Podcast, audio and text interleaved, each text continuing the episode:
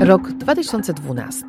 Setki tysięcy młodych ludzi wychodzą na ulice polskich miast i protestują przeciwko temu, że ich rząd podpisał porozumienie akta. Dziwne. Czego się boją? Tego, że wielkie firmy internetowe wejdą w rolę policji i będą monitorowały ich zachowanie w sieci, a może ścigały za naruszanie praw autorskich w imieniu firm z Hollywood? A może po prostu tego, że skończy się darmowe ściąganie muzyki i oglądanie filmów? Historia uczy, że ludzie rzadko wychodzą na ulicę z powodów czysto ideowych. Częściej dlatego, że coś ważnego lub cennego dla nich zostało im odebrane. Rok 2023. Te same firmy, które nie kwapiły się do roli policji internetowej, doprowadziły teraz do perfekcji własne pułapki na ludzi. Zwabieni darmowym kontentem klikamy i scrollujemy, scrollujemy i klikamy, dostarczając im dane, które pozwalają na głębokie i inwazyjne profilowanie. Wiedzą, co nas interesuje, co smuci, co nakręca, czego się obawiamy i gdzie szukamy pomocy. Wszystkie te informacje są analizowane i monetyzowane. W zamian dostajemy treści, które mają utrzymać nasze zaangażowanie. Mają sprawić, że nie przestaniemy scrollować i klikać, bo najcenniejszym towarem w sieci jest właśnie nasza uwaga. Jak pisze Szoszana Zubow, to forma tyranii, która żywi się ludźmi, ale nie jest dla nich. Do tego jest sprzedawana jako personalizacja, chociaż w rzeczywistości zanieczyszcza, ignoruje, wręcz nadpisuje i wypiera to, co osobiste i jednostkowe. A więc nie chodzi o to, czego ja potrzebuję i chcę się dowiedzieć, tylko o to, w jaki sposób firma zarabiająca na mojej uwadze może mnie zatrzymać i tę uwagę zmonetyzować. Żeby ten model wywrócić, zakwestionować, musimy się przebudzić i zaangażować jako konsumenci albo nawet obywatele. Tak twierdzi na łamach dwutygodnika, a w artykule Z drogi jedzie w lob mój dzisiejszy gość. Posłuchajcie. Przy mikrofonie Katarzyna Szymilewicz. Zapraszam Was na rozmowę z Mirosławem Filiciakiem, badaczem internetu z Uniwersytetu SWPS. To jest Panoptykon 4.0. Cześć, dzień dobry. Dzień dobry, cześć. Badasz ten internet od więcej niż 15 lat, na pewno od 15, bo chciałam przypomnieć prowokacyjnie na wstępie badania, które przeprowadziliście w zespole badawczym w 2010, czyli prehistoryczny moment dla platform internetowych. To się nazywało Młodzi i Media. I o ile dobrze pamiętam, już się uśmiechasz, to miało wymiar optymistyczny, jeśli chodzi o nasze relacje z technologią. Czy, czy ja to dobrze pamiętam?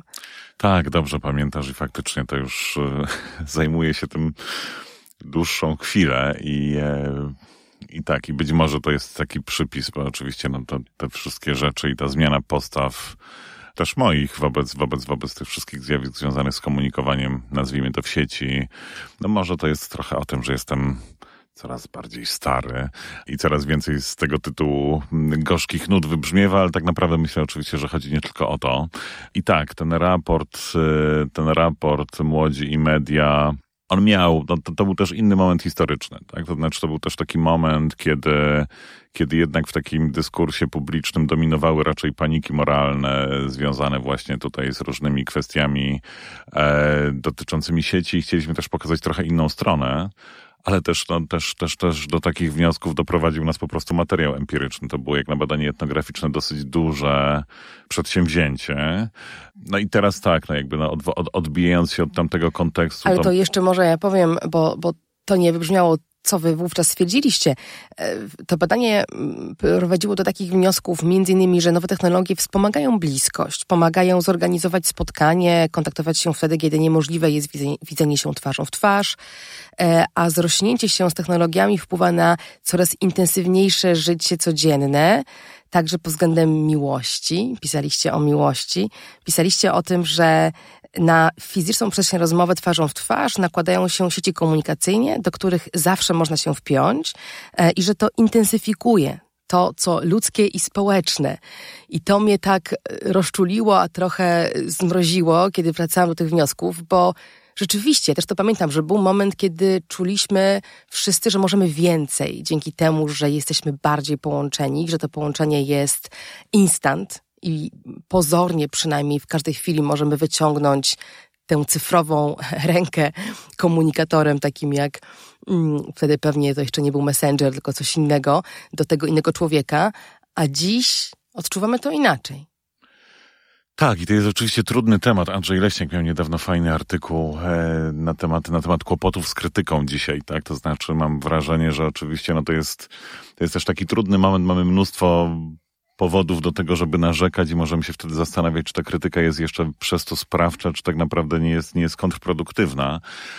Ale musimy pamiętać, że jeśli mówimy o tym badaniu młodzi i media, no to były czasy, kiedy takimi no, paradygmatycznymi, powiedziałbym, mediami internetu były blogi e, i wczesny Facebook, tak, który pewnie też o tym będziemy dzisiaj chwilę rozmawiać, że te słowa mają znaczenie i tak jakby no, serwis nazywa się tak samo, ale jest już trochę innym serwisem z wielu różnych względów. Czyli wtedy to były rzeczywiście grupy, czaty i znajomi?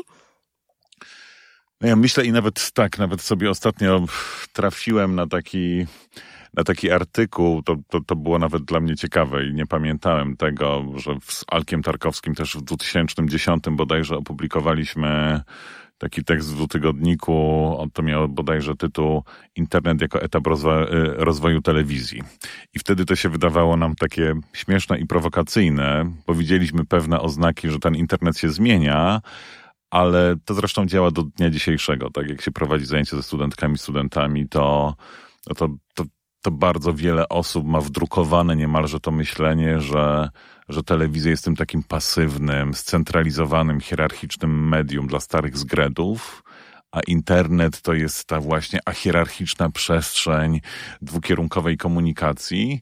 I myślę, że dzisiaj, oczywiście to jest tak, to jest skomplikowane tak, skoro o Facebooku, to jest skomplikowane i jest tutaj wiele aspektów, tak, no bo to oczywiście też jest o tym, że sporo zależy od tego, co jest po stronie odbiorczyń, odbiorców, tak? I, I tutaj kwestie klasowe, kwestie tego, ile kto ma kapitału kulturowego, jakie kompetencje, oczywiście ciągle mają znaczenie i to nie jest, to nie jest zero-jedynkowa rozmowa, mam nadzieję, tak? To znaczy, to nie jest tak, że było wspaniale, jest strasznie, ale myślę, że zarówno na poziomie takiego jednostkowego dobrostanu, ale też, no właśnie, no takiego wymiaru szerszego społecznego, to coś się zmieniło, tak? W kierunku telewizji i pasywnego odbioru.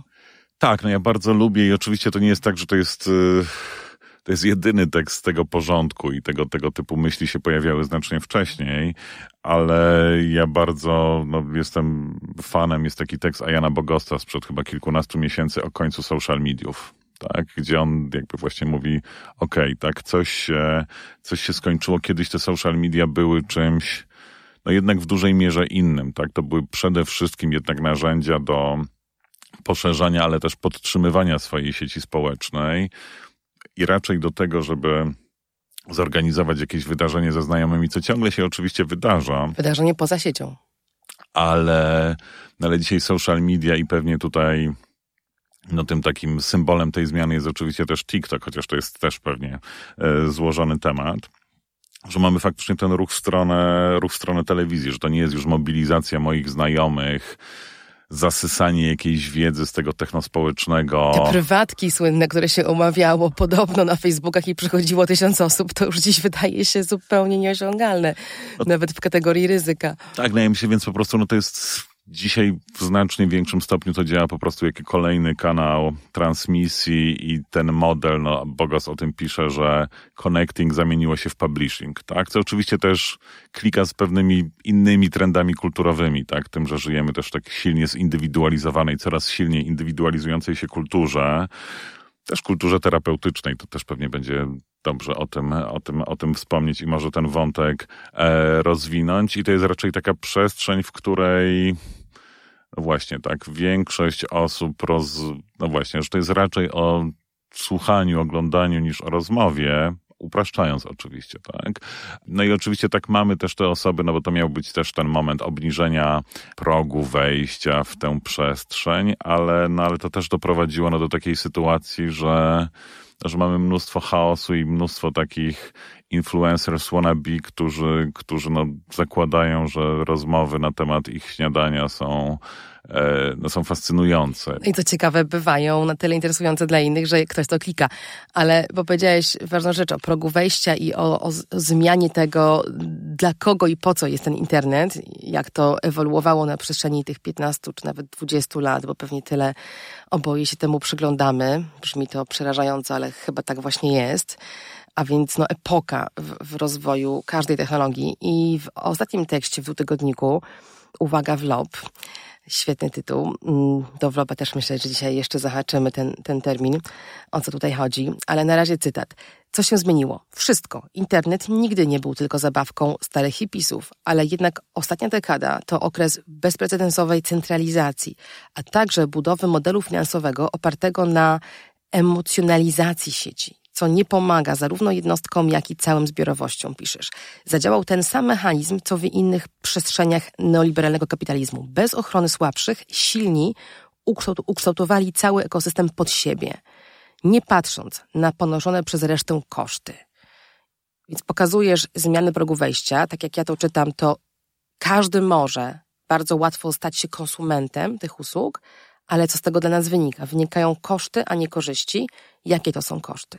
Znaczy, oczywiście to nie jest też tak, znów będę tutaj się trochę, trochę, trochę, trochę próbował pilnować, tak? Znaczy, to, skoro z tego korzystamy, to oczywiście mamy korzyści, aczkolwiek no, te korzyści czasami są też e, nie, nie, nie są jedynym argumentem, żeby sięgać po te, po te kanały, tak? Bo często też nie mamy narzędzi. Ostatnio pracuję przy takim dużym projekcie etnograficznym na temat, na temat e, wielkomiejskich smartfonów i bardzo często tam słyszę o tym, że na przykład, nie wiem, no, matki zarządzające taką gęstą, emocjonalnie i logistyczną przestrzenią, e, no, tak jakby rodzinną i, i tak, no, nie przypadkiem mówię o matkach, bo w patriarchalnej i tradycjonalistycznej Polsce to są jednak przede wszystkim matki.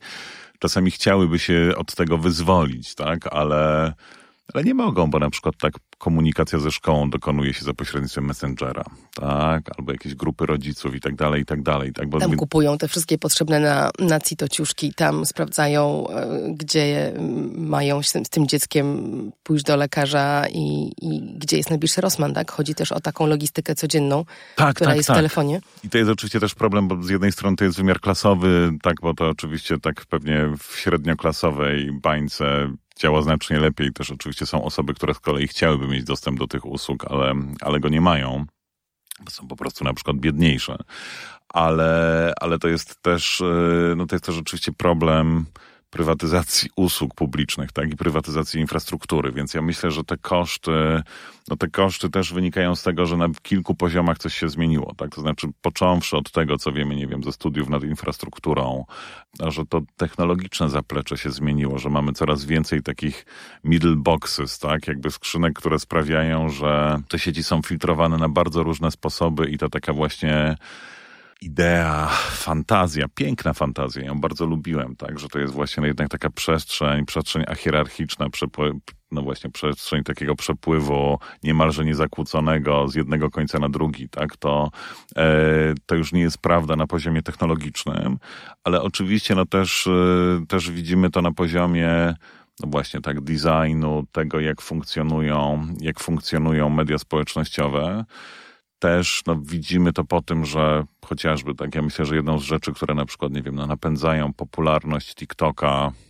no, który dla mnie, może to jest trochę tak boomersko-dziaderska perspektywa oczywiście, bo możemy mówić o TikToku też lepsze rzeczy i milsze rzeczy, ale dla mnie jednak TikTok jest trochę takim telewizorem, tylko z krótszymi pętlami i w którym ja nie mam dostępu do pilota za bardzo, albo mam dostęp w ograniczonym stopniu, tylko ktoś za mnie klika, co jest wygodne, tak, ale... Niewiarygodne, że jednak atrakcyjne w świecie, w którym ten wybór zaistniał, prawda, czyli to, to co przywołałeś, telewizji, telewizję przestaliśmy lubić z tych powodów i to wydawało się takie logiczne, że człowiek, skoro ma wybór, będzie z niego korzystał a jednak nie.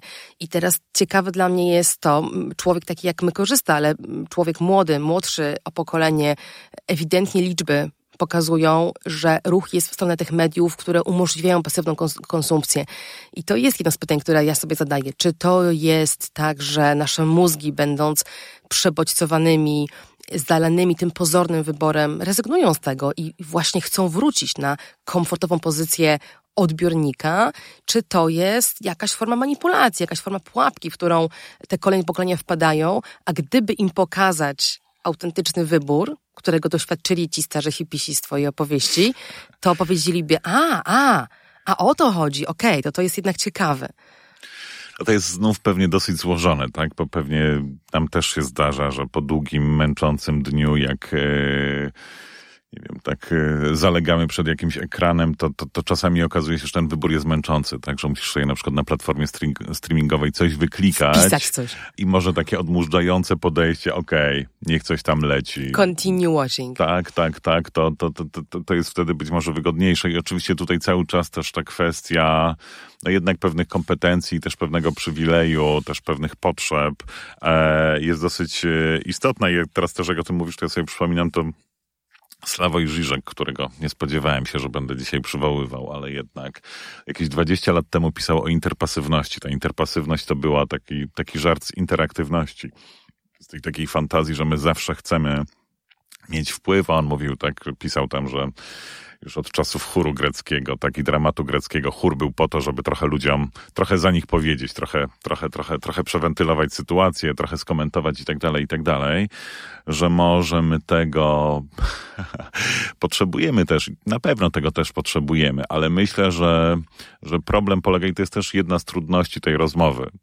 To jest problem o tym, że czasami też, no, no być może potrzebujemy ochronić ludzi przed nimi samymi, tak? I, i jakby, no, nie wiem, no to poza, poza Januszem Korwinem-Mikke niewiele osób w Polsce mówi o tym, że świetnie by było, żebyśmy jeździli wszyscy samochodami bez zapiętych pasów, tak? Bo jednak później w jakimś ostatecznym rachunku ten poziom wolności gdzieś tam nam się jako społeczeństwu nie skalkuluje.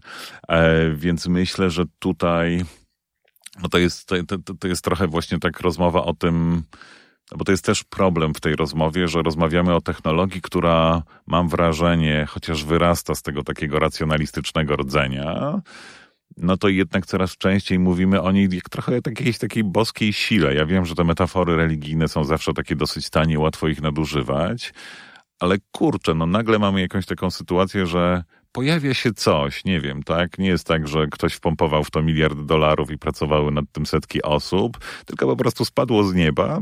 No i my to musimy wziąć w całości, albo nie. To nawet jeśli tak wspominałeś o tym tekście w dwutygodniku, to było dla mnie fascynujące. Na Facebooku jedna osoba skomentowała link do tego artykułu, mniej więcej w takich słowach. Tak, mamy regulować platformy. Platformy też będą regulować. Podobno będzie tak, że nieuregulowany Facebook będzie za darmo, a taki, to już moje dopowiedzenie, przestrzegający prawa, będzie kosztował 50 zł. Tak? Ja mam wrażenie, że stało się jednak coś bardzo dziwnego, tak, w tej przestrzeni komunikacyjnej. Obawa, tak to odczytuję, że ludzie obawiają się tego, że ktoś im zabierze e, te tanie dragi, które mamy dzisiaj prawie za darmo, no bo płacimy za to swoje, swoim kosztem swojej uwagi i swojego dobrostanu, ale ktoś nam daje tak jak opisujesz, w dużej mierze nowy rodzaj telewizji już karmiącej nasze mózgi bodźcami i my nie płacimy za to pieniędzmi, które zarabiamy na co dzień, więc czujemy się w sytuacji względnego komfortu, bo przecież te koszty nie są odczuwalne tu i teraz, one są najczęściej odroczone w czasie, a kiedy słyszymy, ktoś wam to zabierze, ktoś wam to poprawi wbrew waszym pragnieniom, ktoś ten cukier ograniczy i być może nawet wymusi na was wybieranie, to jest taki moment, ale ja tego nie chcę. No tylko ja myślę, że dziwniejsze jeszcze bardziej dla mnie jest to, że, że to jest o jakimś takim wycofaniu się ze społecznej kontroli, czy no właśnie, nie wiem, z jakiegoś rodzaju publicznej kontroli nad czymś, co faktycznie no, jest usługą publiczną, tak? I no i gdybyśmy, nie wiem, no gdybyśmy mieli, to będzie przerysowany pewnie przykład, ale chyba nie, nie będzie to może najgłupsza analogia. Tak znaczy, no nie wiem, no, czy chcielibyśmy, żeby Gazprom był jedyną firmą, która decyduje o tym, jak wygląda polityka energetyczna w Polsce? No pewnie nie. No to brzmi jak jakaś absurdalna bzdura. Tak, ale, ale w innych przestrzeniach jakby no mamy się zdawać na decyzje podmiotów, no dla których jedynym, jedynym argumentem jest maksymalizacja zysków i wiemy oczywiście, no, że to są zyski no niemal bezprecedensowe w historii ludzkości, tak? To są naprawdę... Duże pieniądze. Bardzo duże pieniądze. Można byłoby z tego trochę zejść. I to oczywiście nie jest o tym, tak, to nie jest o jakiejś takiej taniej naiwności, ale, ale znowu jak sobie popatrzymy na historię mediów, którą ja też się zajmuję, no to do momentu pojawienia się internetu w bardzo specyficznym momencie historycznym, no to jednak media ze względu na swoją siłę i oddziaływanie społeczne zawsze były regulowane. Tak? Czy to był telegraf, czy to było radio, czy to była telewizja. No i później oczywiście tak no w latach 90. upadek komunizmu i ta taka fantazja o tym, że rynek wszystko wyreguluje ale widzimy też, że nie wyreguluje, tak? bo, bo, bo mamy do czynienia z molochami, które, no, które na przykład sprawią, że no, mechanizmy konkurencyjne nie mają szans zadziałać, no bo jeśli powstanie jakaś realna alternatywa, co trudno sobie też wyobrazić ze względu na to, że te firmy siedzą oczywiście tak na wielkich danych, tak? I trudno sobie wyobrazić, że ktoś nagle miałby tutaj podjąć tę rękawicę z sukcesem, ale nawet gdyby tak się stało, no to przecież czy wykupienie tej konkurencji będzie kosztowało miliard dolarów czy 20 miliardów dolarów, to przecież nie ma żadnego znaczenia, tak? Więc, więc coś tutaj nie wyszło, no i oczywiście do tego jeszcze dochodzą kwestie związane też z inwigilacją taką, no powiedziałbym, na poziomie państwowym, tak? To znaczy, to jest też trochę taka kwestia, że być może na przykład Stany Zjednoczone mogłyby pomyśleć o o odpaleniu jakichś procedur antytrustowych, no ale z drugiej strony, no jeśli mamy firmy o takim zasięgu, no to może dobrze jest mieć jakiś tutaj wgląd w tę, w tę, w tę, w tę przestrzeń. Tak więc to jest super złożone i super trudne, ale, ale chyba trudno, no tak jakby, no to, to jest może bardzo mocno powiedziane, jak mówisz o dragach, tak? Ale, ale mamy przecież masę badań, które pokazują, że na poziomie indywidualnego dobrostanu to nie są, to nie są dobre rozwiązania, tak? Jakby, i że coś tutaj się popsuło. Mamy też masę przykładów od, na, na, na ten temat, że no, dziesiątki razy było to wykorzystywane do rozhuśtania demokracji.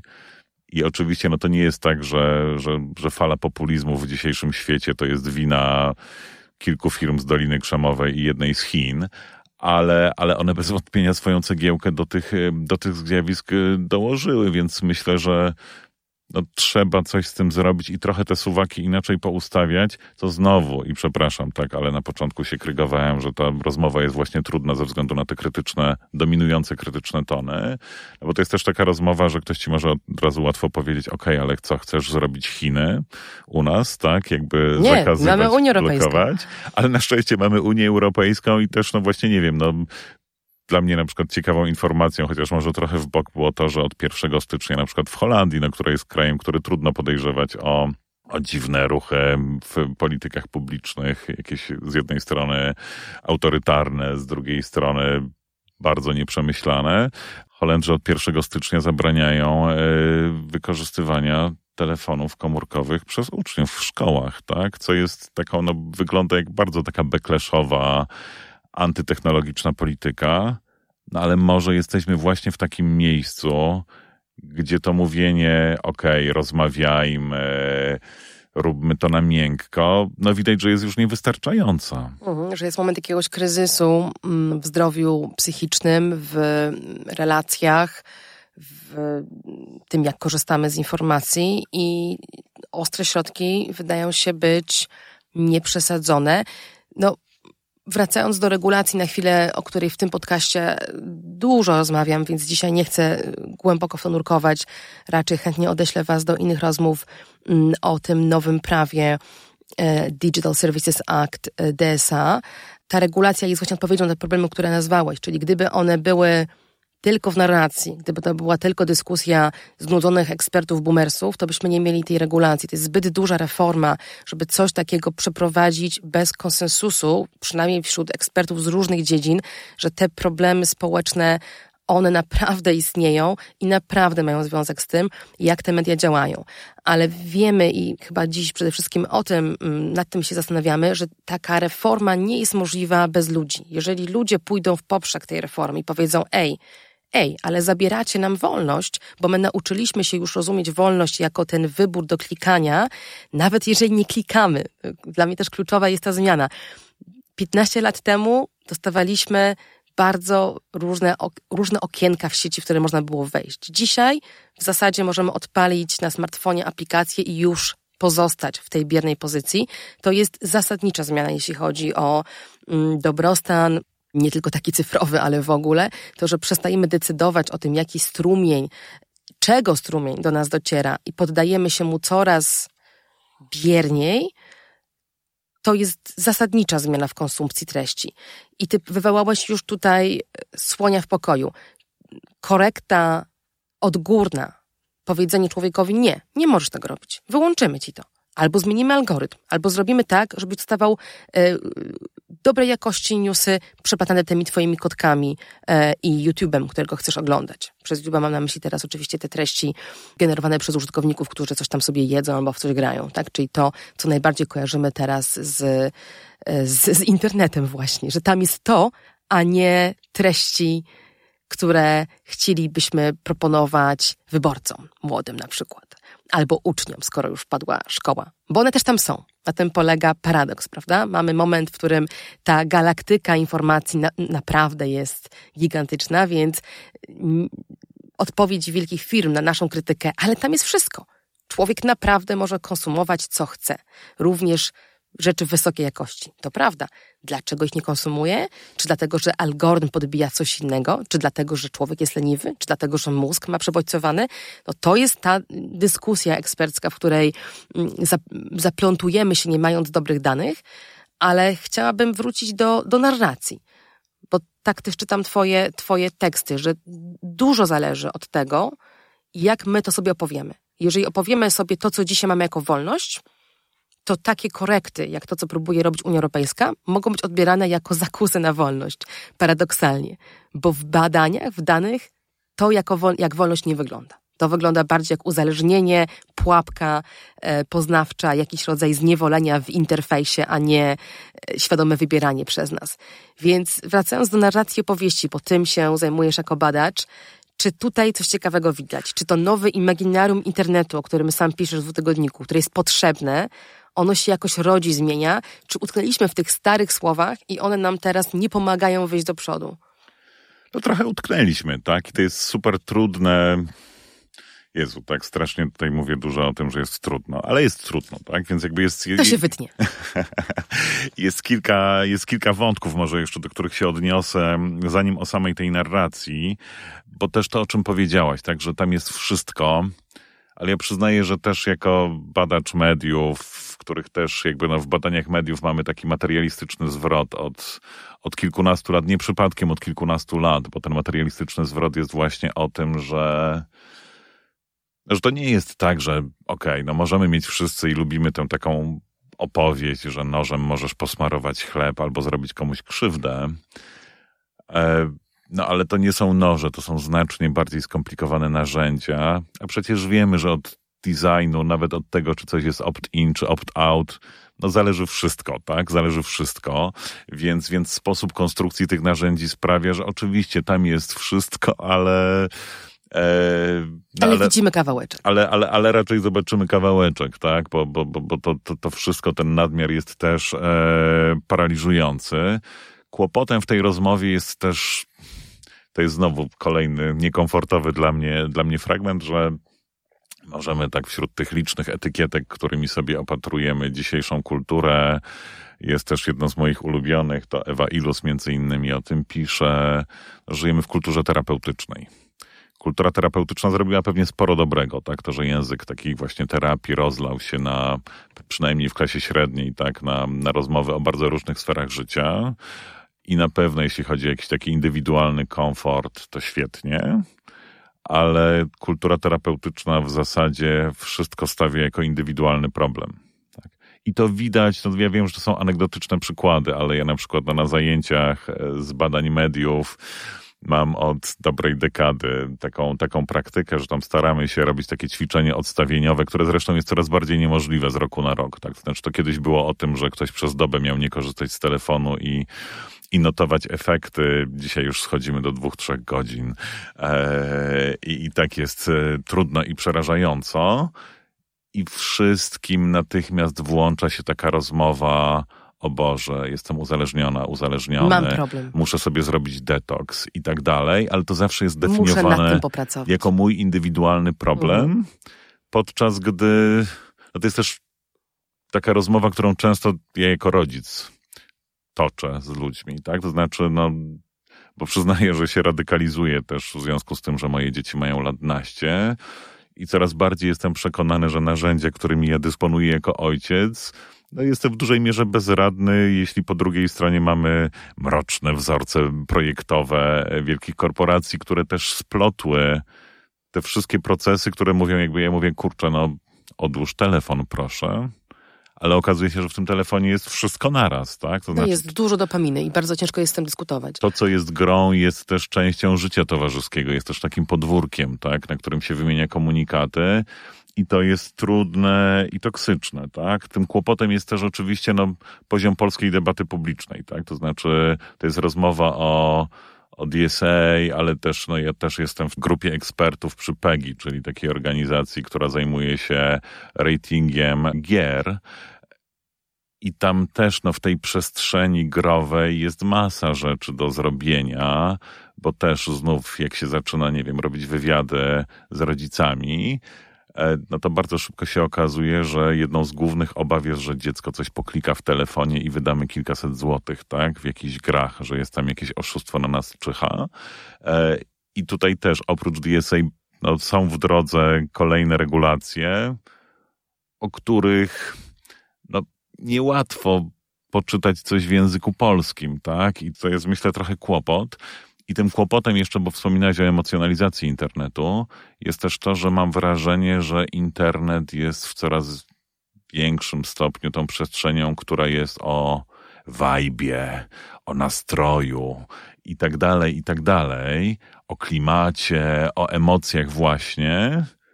I coraz trudniej jest tam toczyć jakąś taką pogłębioną, racjonalną rozmowę o rozwiązaniach, bo to jest właśnie taki taki język trochę równoległy, mhm. który no, nie jest zupełnie kompatybilny. To nie jest polityczny. To jest język jest o tym, jak tak. ja mam i czy mogę mieć inaczej i co ja ewentualnie muszę zrobić, żeby mieć inaczej, albo mój rodzic dla mnie mógłby zrobić, żebyśmy oboje mieli inaczej, a nie o tym, e, co można zrobić z poziomu politycznego.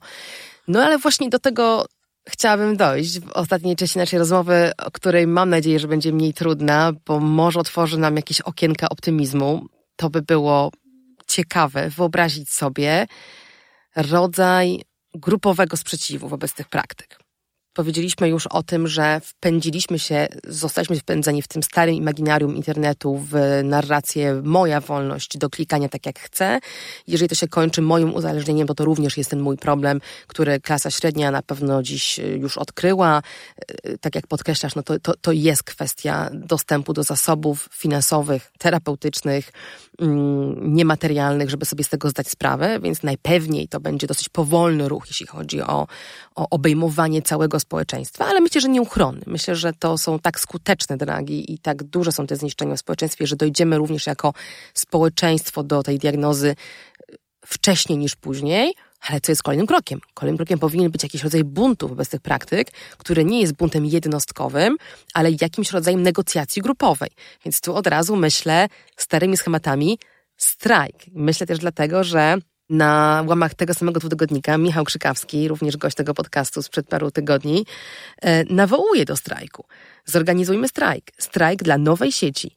Może powinien on mieć tę samą wagę, co strajk dla klimatu. Może powinien pochodzić z podobnego i pozbawionego przemocy ruchu obywatelskiego nieposłuszeństwa.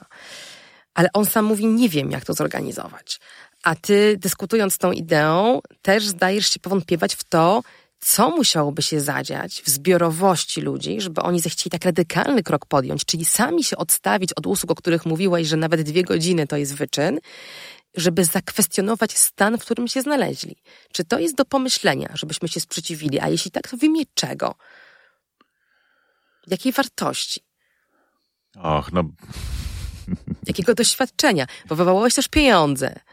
Ja cały czas myślę w kategoriach ekonomicznych o czymś takim jak strajk. Może jest taki scenariusz, w którym te usługi są coraz bardziej toksyczne, coraz mniej o nas i dla nas, i my to czujemy, i coraz droższe. Znaczy, tutaj czytałbym ten strajk właśnie jako jakiś taki symbol oddolnego sprzeciwu buntu, chociaż jak sobie popatrzymy pewnie, jak tak, no, gdzie się, no, oczywiście mamy tak, jakby mamy Mamy świetny przykład czarnych protestów i pewnie świetnie by było, gdyby się udało w ogóle no, odwołać do tej takiej no, polskiej tradycji w kurwu, przepraszam, że o tym mówię, tak? I to byłoby, to byłoby świetne, zwłaszcza, że akurat w tej perspektywie, no ja myślę, że w Polsce kulturowo mamy raczej tendencję do buntowania się przeciwko czemuś niż działaniu na rzecz czegoś.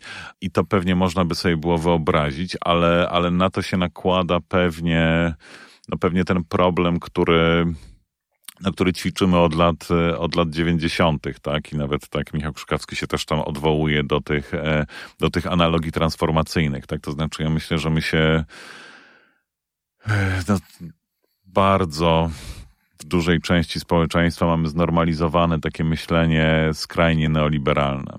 Tak, to znaczy właśnie, że wszystko się super samo wyreguluje i tak dalej, i tak dalej. I to, to myślę, że te, te tony krytyczne piłuje, więc pewnie potrzebujemy takich ćwiczeń, które zaczynałyby się właśnie na odmówienia o tym.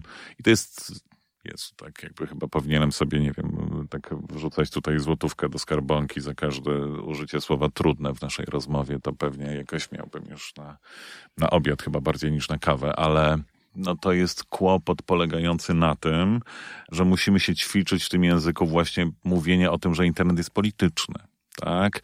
Chociaż biznes wiedząc o tym, że jesteśmy zmęczeni polityką i że mamy tego dosyć i że dzisiejszy świat jest tak złożony, trudny i skomplikowany, że jeśli zapraszamy kogoś do rozmowy, okej, okay, tu jest jeszcze kolejna bardzo trudna przestrzeń. Kolejne pole walki, na którym ty musisz się zorganizować. No nie brzmi to.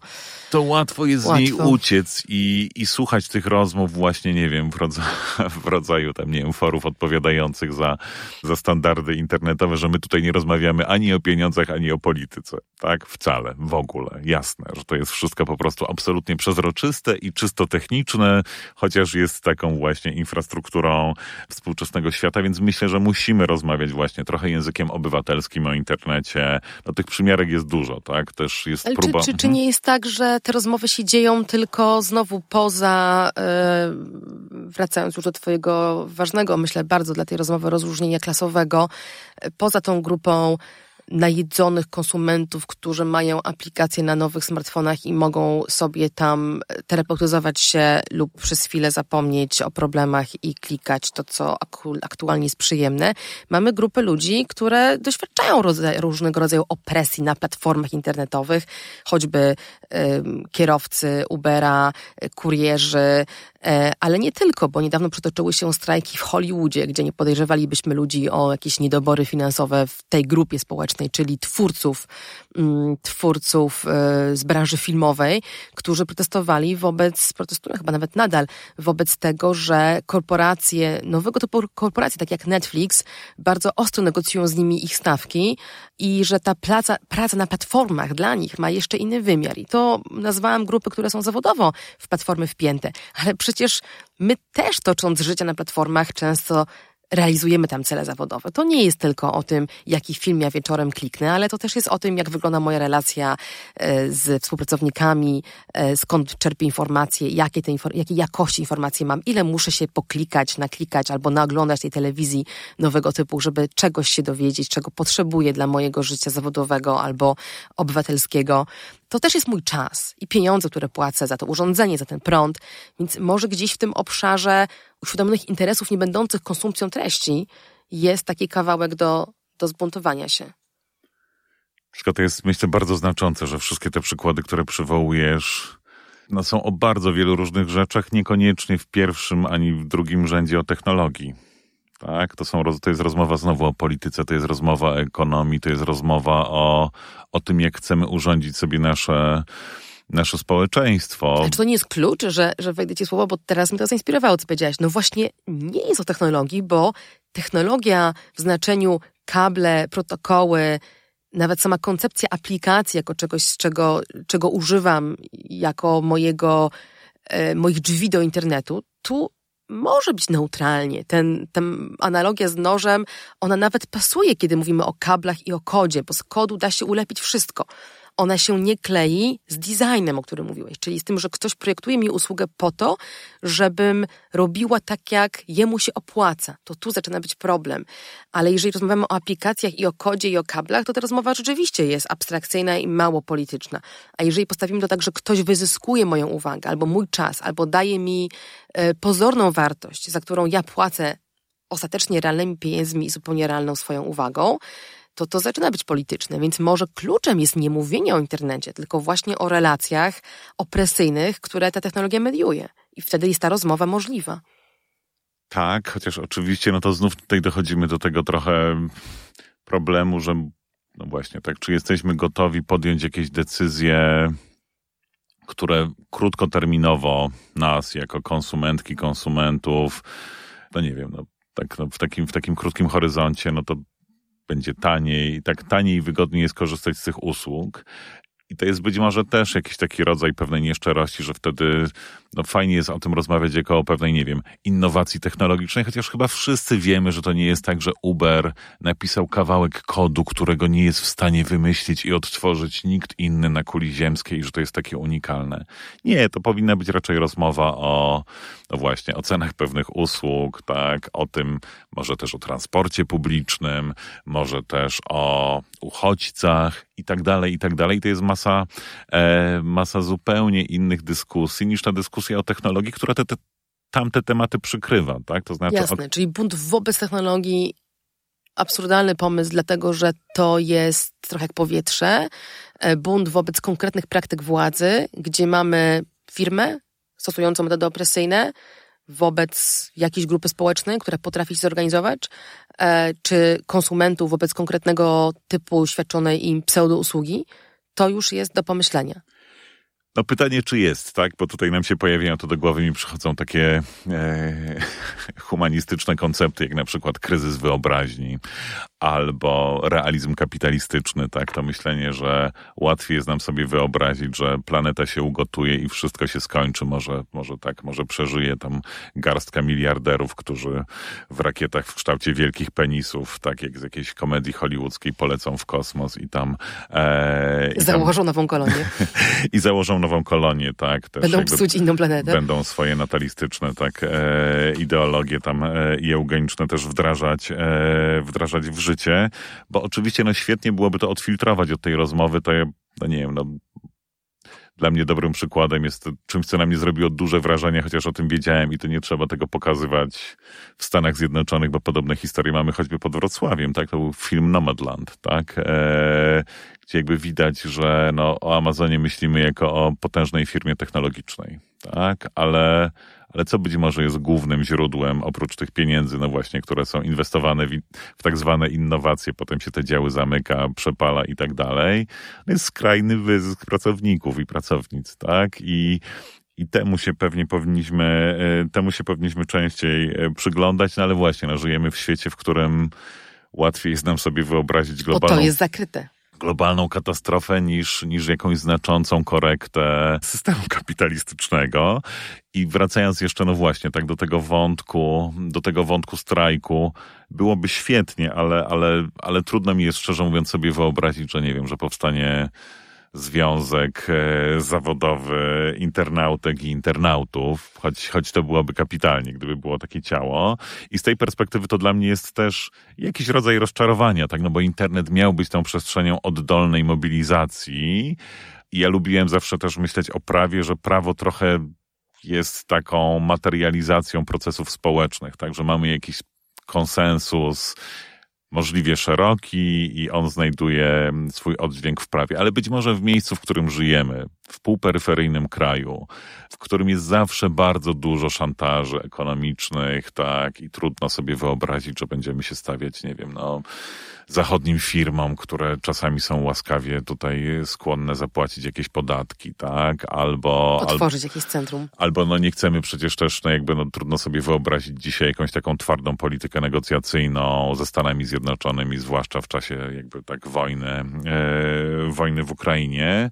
No więc z tej perspektywy to może nie jest idealne rozwiązanie, ale właśnie no ta odgórna regulacja, o której jasne, tak i pewnie wszyscy słyszeliśmy i słyszałyśmy milion razy to, że ha, ha, ha, ludzie będą robić swoje, ale kurczę, no jakby odkąd mandaty są wyższe, no to mam wrażenie, że ludzie w tym kraju jeżdżą jednak generalnie, generalnie znacznie wolniej, tak? Albo odkąd mhm. wprowadzono zakaz palenia w knajpach, no to można zobaczyć, Jednak nie wiem, matkę z dzieckiem w knajpie, tak? I tak dalej, i tak dalej. No więc jeśli nie możemy oddolnie, no to może zróbmy odgórnie, chociaż tak jak mówisz, no pewnie całym wyzwaniem jest też to, że, że samo odgórnie oczywiście nie zadziała i ważne jest to, jak to zostanie wdroże, wdrożone. I tutaj mamy tę taką przestrzeń no, mobilizacji społeczeństwa obywatelskiego, tak? I też tu ogromna rola e, NGO-sów i budowania, budowania tego języka właśnie, nie wiem, obywatelskich praktyk, prak, praw obywatelskich obywatelskich w internecie, albo właśnie, nie wiem, mówienia takim językiem ekologii o, o ekstraktywizmie, nie tylko o wysysaniu danych, ale też o niszczeniu planety, albo nawet, nie wiem, no próbując się też pod inne głośne dyskusje w ostatnich latach podpiąć, nawet też językiem konsentu, językiem świadomej zgody, tak? To znaczy, czy ja mam realnie wybór, kiedy, kiedy klikam jakąś zgodę w serwisie internetowym, czy gdybyśmy te standardy przenieśli, nie wiem, na randkę, to czy to byłoby całkiem ok? Więc myślę, że musimy szukać takich, takich analogii i może to w połączeniu z odgórnymi regulacjami no, pozwolą nam prze, przewalczyć właśnie to, co wiemy, że te wielkie korporacje będą chciały zrobić z tymi przepisami, które będą nas też na poziomie języka zniechęcać i TikTok będzie nam tam mówił o depersonalizacji feedu i będziemy wtedy sobie myśleć, kurczę, no to po co mi feed, TikTok, jeśli ja mam mieć zdepersonalizowanego TikToka, no to, to jasne, że nie. Mhm. No tak, nazwałeś bardzo dobrze wyzwanie, które jest przed nami, czyli następuje korekta odgórna, pojawiają się mandaty nie dla ludzi, ale dla dużych firm, więc zgodnie z tą logiką kapitalistycznego wyzysku, znaczy idąc wbrew tej logice, sięgamy po pieniądze tam, gdzie one są, a nie tam, gdzie ich nie ma i nie przerzucamy. Unia Europejska nie przerzuca w tej swojej e, reformie internetu odpowiedzialności na jednostkę i to jest, to jest w tym fajne. To nie jest kolejne prawo chroniące moje dane, w którym ja mam klikać. Tym razem e, nowa regulacja platform internetowych, e, przywołane, przywołane przez nas dzisiaj kilkukrotnie DSA, jest o platformach i o ich praktykach, a nie o moich praktykach. Jeżeli wszystko pójdzie dobrze, to te platformy właśnie, te Facebooki, TikToki, YouTube e, i, i cała reszta dużych platform będą musiały coś zmienić, ale teraz to coś będzie nam dane często jako wybór. Jeżeli my nadal konsumencko postanowimy pozostać w tak zwanym defaulcie, w tym, co jest dostępne bez żadnego mojego wysiłku na tym pierwszym ekranie e, aplikacji, jaką otwieram albo otwiera mi się sama, e, niekoniecznie dostrzegę zmianę. Ale jeżeli wejdę w to, co dzięki temu nowemu prawu się pojawia, w możliwość dowiedzenia się, jak ta usługa dla mnie działa albo nie działa, e, jak, na jakiej zasadzie jestem profilowana i wyjścia z tego profilowania. Wywołałeś tutaj feed e, TikTokowy akurat, ale to będzie dotyczyło, dotyczy każdego feedu. Mogę sobie go przestawić na nieprofilowane pod moje zachowanie, a więc wybrać jakąś inną logikę oglądania świata. I to mogą być ciekawe eksperymenty pod warunkiem, że będą przez te firmy robione nie z intencją omijamy prawo i zohydzamy je, ale rzeczywiście dajemy ludziom alternatywę, która sama w sobie jest też atrakcyjna i patrzymy, co się dzieje. No i wtedy to wymaga już naszego, naszego ruchu. I rozumiem, że w taki ruch konsumenta w kierunku świadomego wyboru wierzysz. To się nie kłóci z dostępnym nam imaginarium. To na pewno jest duże wyzwanie ciągle, ale myślę, że jesteśmy chyba pierwszy raz od wielu lat w takiej sytuacji, kiedy, kiedy poza właśnie pewnymi jakimiś takimi abstrakcyjnymi konceptami jest jakiś konkretny plan. I wierzę, i nawet jeśli jest w tym odrobina naiwnego myślenia, ale myślę, że my wszyscy potrzebujemy jednak trochę naiwnego myślenia i trochę utopii, tak? No bo jeśli też się wszyscy położymy i stwierdzimy, nic się nie da zrobić i jest strasznie, to ta zmiana sama się też nie wydarzy, ale jeśli dociśnięte trochę regulacjami bardzo duże platformy internetowe odrobią swoją lekcję i my odrobimy swoją, no to może, nie wiem, może spotkamy się na kolejną rozmowę za 2-3 lata i wtedy będziemy mówić o tych platformach same ciepłe rzeczy i to byłoby świetnie. No, nie pozostaje mi nic innego, jak postawić kropkę w tym momencie. Dzięki za, za rozmowę. Dziś gościem podcastu Panoptyka 4.0 był Mirosław Filiciak, badacz z Uniwersytetu SWPS. Wielkie dzięki. Do usłyszenia wcześniej niż za dwa lata. Temat wielkich platform będzie wracał, a tymczasem żegna się z Wami Katarzyna Szymylewicz. Do usłyszenia. Panoptykon 4.0